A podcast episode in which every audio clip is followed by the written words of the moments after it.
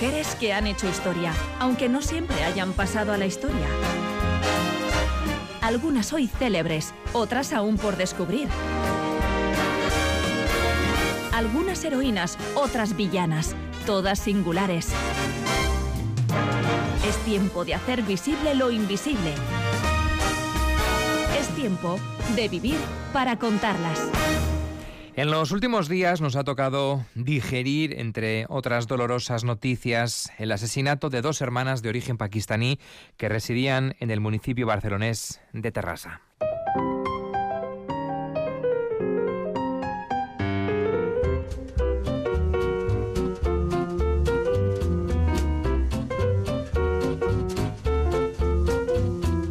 Arug, de 24 años, y Anisa, de 21 años, fueron torturadas, vejadas y finalmente asesinadas por un grupo de familiares, entre los que se incluían dos de sus hermanos. Edurne Vaz, ¿qué tal? Hola.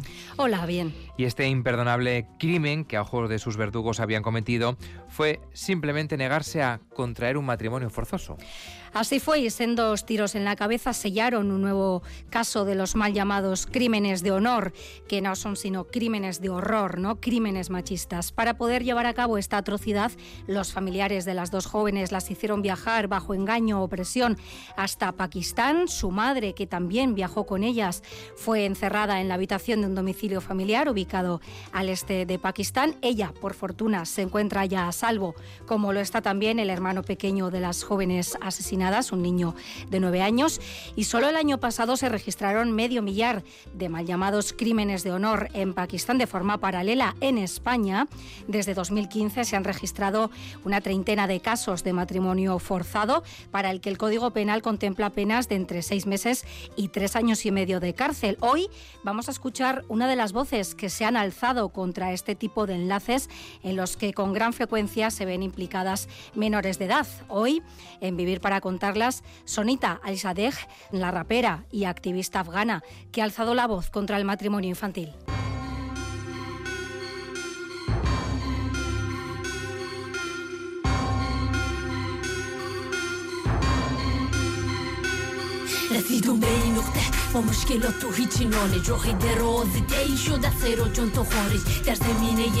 Vamos a conocer la historia de esta luchadora de Sonita Alisadeh, que nació en 1996 en Herat, una ciudad del oeste de Afganistán, cuando era solo una niña tuvo que hacer frente a un episodio tristemente común en el país. Sus padres planeaban para ella un matrimonio concertado.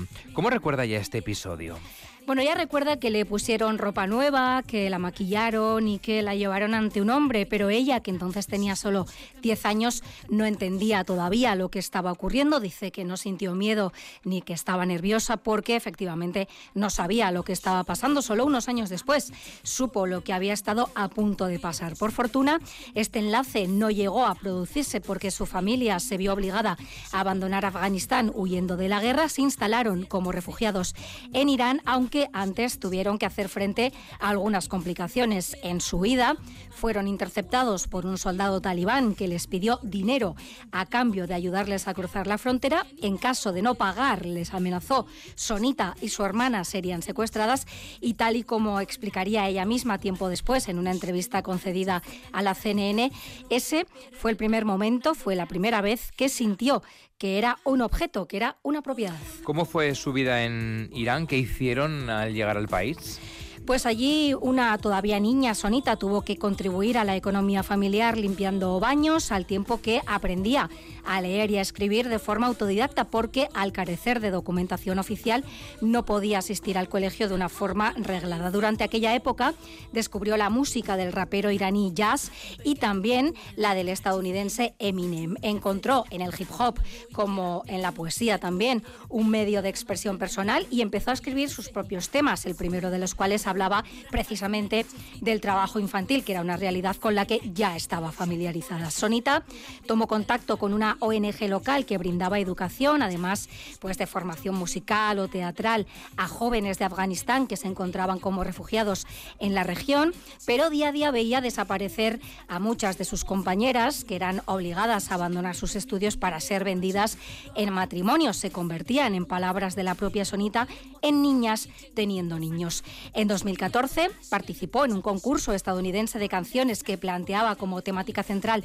que los afganos acudieran a las urnas. Ganó un premio de mil dólares que envió íntegramente a su madre, quien para entonces ya había regresado a Afganistán, pero esa cantidad de dinero estaba muy lejos de resultar suficiente.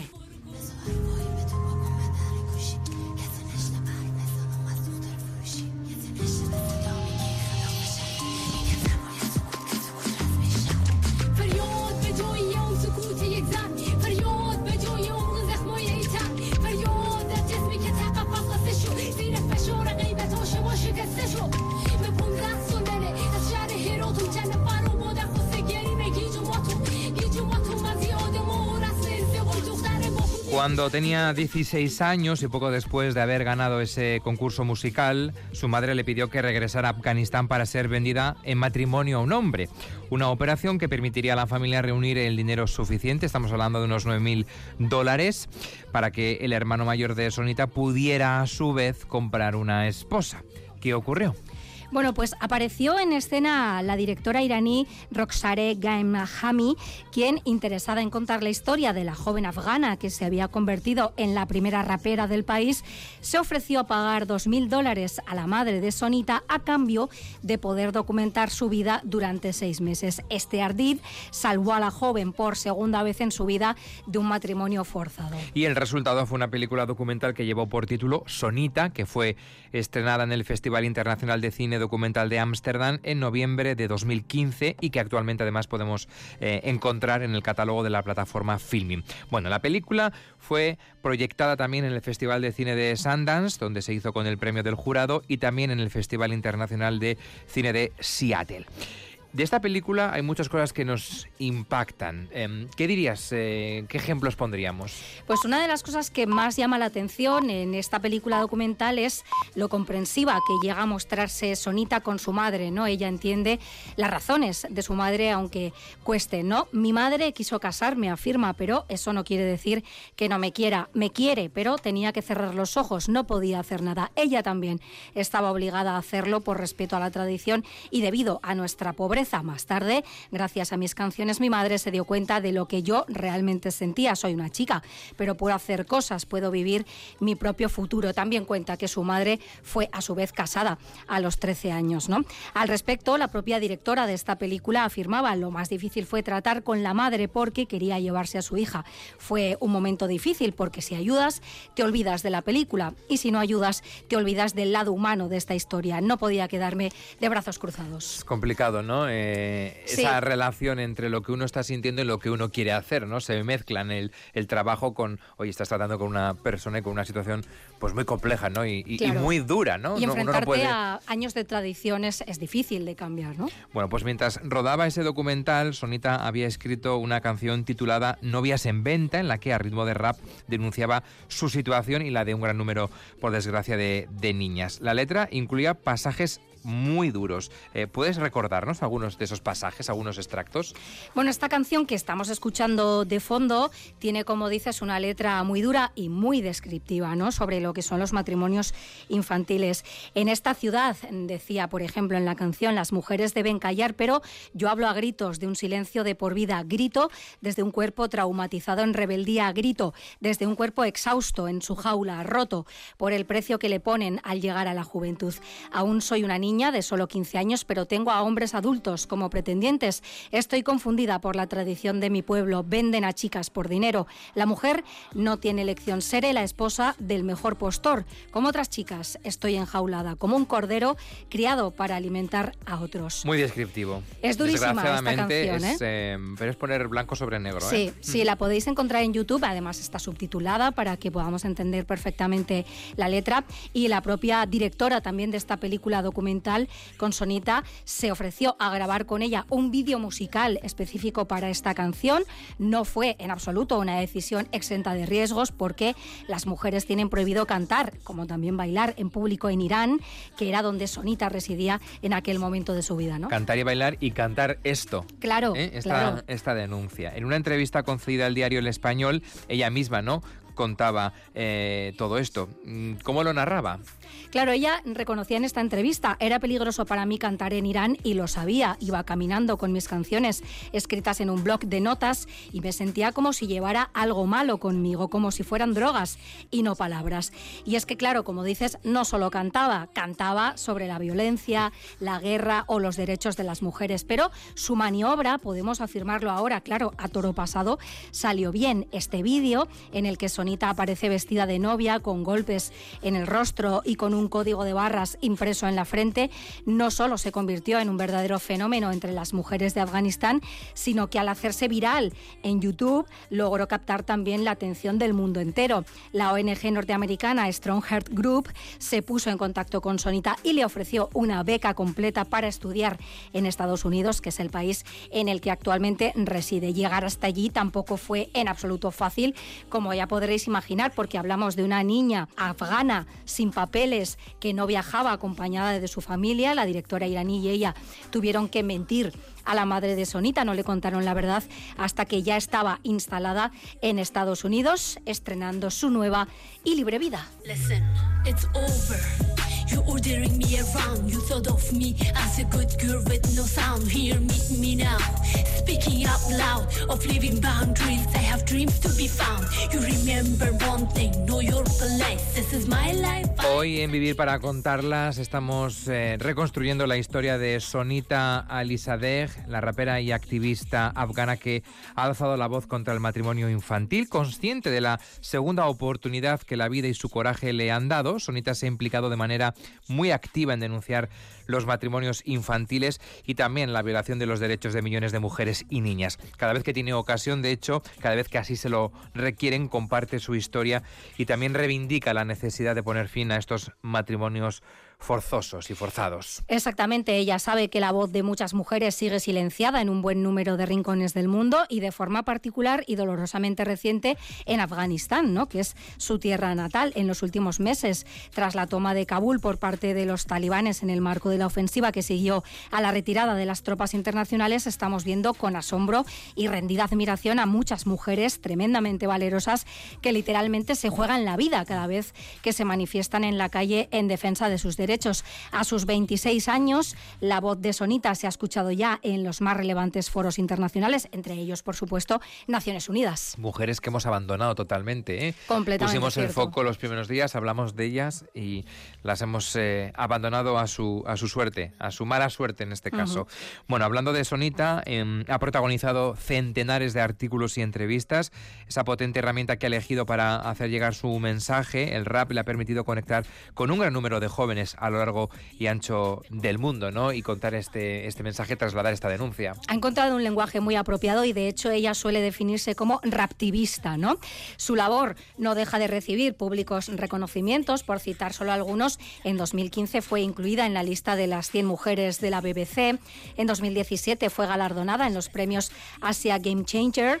En el terreno musical, en 2018 se hizo con el premio Generation Change Award, que reconocía a cinco talentosos jóvenes menores de 26 años que pueden ayudar a cambiar el mundo y esta fue, por cierto, la edición que se celebró en Bilbao de los premios MTV. En 2021, el mismo año que salió a la luz su primer disco, recibió el Premio a la Libertad creado por la región de Normandía en colaboración con el Instituto Internacional para los Derechos Humanos y la Paz y fue votada para este premio por más de 5.000 jóvenes en todo el mundo. Probablemente nunca pensó que aquella canción en la que afirmaba susurrar, contar su historia flojito, ¿no? Por eso hemos escuchado que la canción empieza con esos susurros para que nadie, decía ella en la letra, oyera que estaba hablando de la venta de niñas. Acabaría alcanzando esta inesperada repercusión, ¿no? Esto fue una sorpresa para ella, seguramente tampoco imaginaba lo que le tenía reservado el destino cuando en las paredes de su habitación de niña jugaba a pegar su cara en fotos de Rihanna actuando ante miles de personas. Puede que jamás se planteara siquiera que existía la posibilidad de ser dueña de su propio destino y escapar de una vida de sumisión. Pero fijaos que por llevarlo lo lleva incluso en el nombre, porque Sonita es el nombre de una ave migratoria.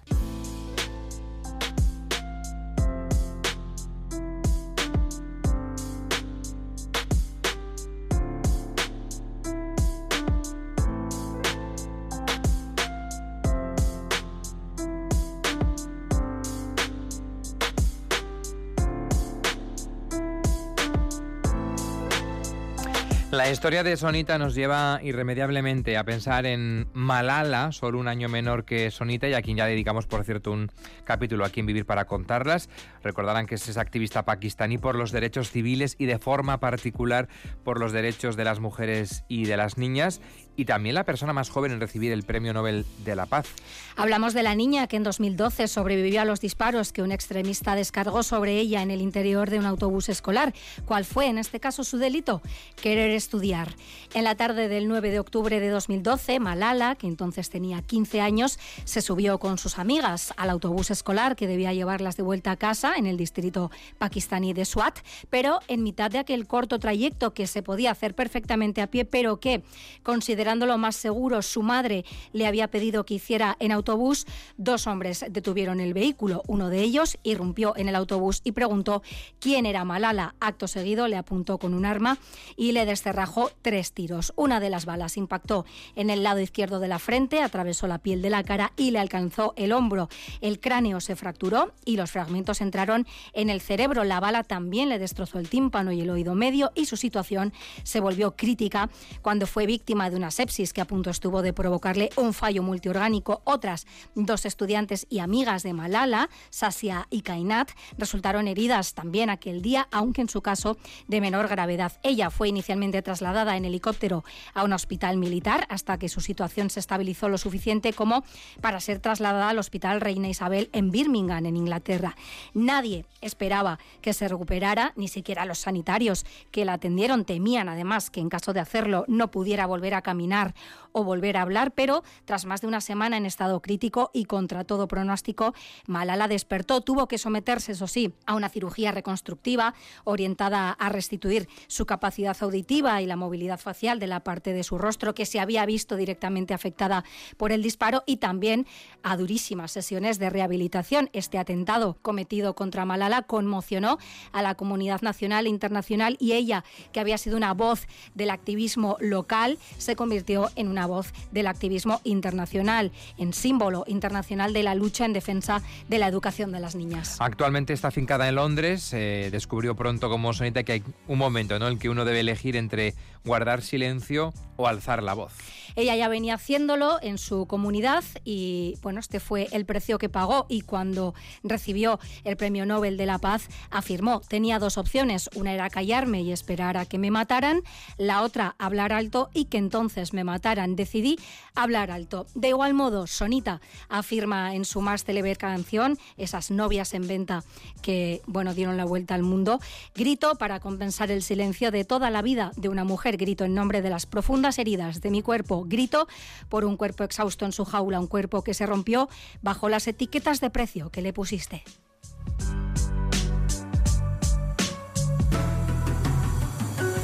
Dos mujeres tremendamente inspiradoras. Sonita, en este caso, que es la protagonista hoy de nuestro Vivir para contarlas, esta rapera, activista afgana que ha alzado la voz contra el matrimonio infantil, pero también la de Malala Yousafzai, que podemos recuperar en nuestro podcast y en nuestra página web. Edu Rebaz, gracias. De nada.